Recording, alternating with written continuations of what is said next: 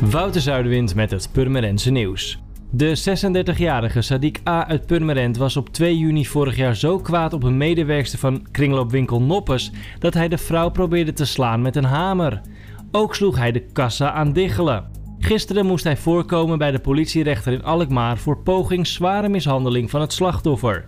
De Purmerende was zo boos bij de kringloopwinkel nadat hij samen met zijn dochter een laptop had gekocht. Volgens een medewerkster mocht hij deze thuis uitproberen en als de laptop niet zou werken, hij zijn geld terug zou krijgen. Maar bij terugkomst bleek dat niet te kloppen. De Purmerende bekende tijdens een zitting dat hij de kassa stuk had geslagen, maar ontkende met klem dat hij met een hamer had geslagen in de richting van de medewerkster. De rechter gaf 180 uur werkstraf en vond dat de man daar goed mee wegkwam. Daarnaast moet hij het slachtoffer 250 euro smartengeld betalen.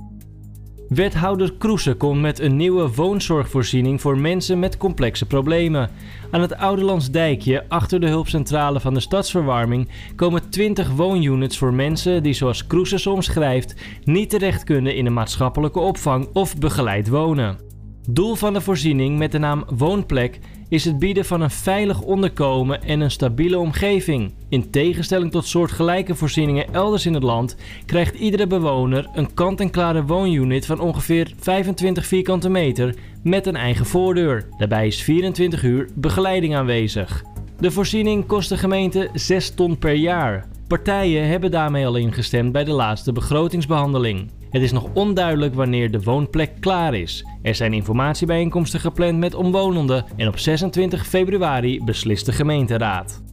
En eindelijk dat ene verhaal op papier krijgen of heb je inspiratie nodig voor je eerste boek? Bibliotheek Waterland start vanaf 18 januari met het Schrijfcafé, een initiatief van René en Eva Kelder. De workshop bestaat uit vijf sessies die elke keer plaatsvinden op de derde zaterdag van de maand. Inschrijven kan via bibliotheekwaterland.nl/slash kaartverkoop. Voor meer nieuws, kijk of luister je natuurlijk naar RTV Purmerend, volg je onze socials of ga je naar rtvpurmerend.nl.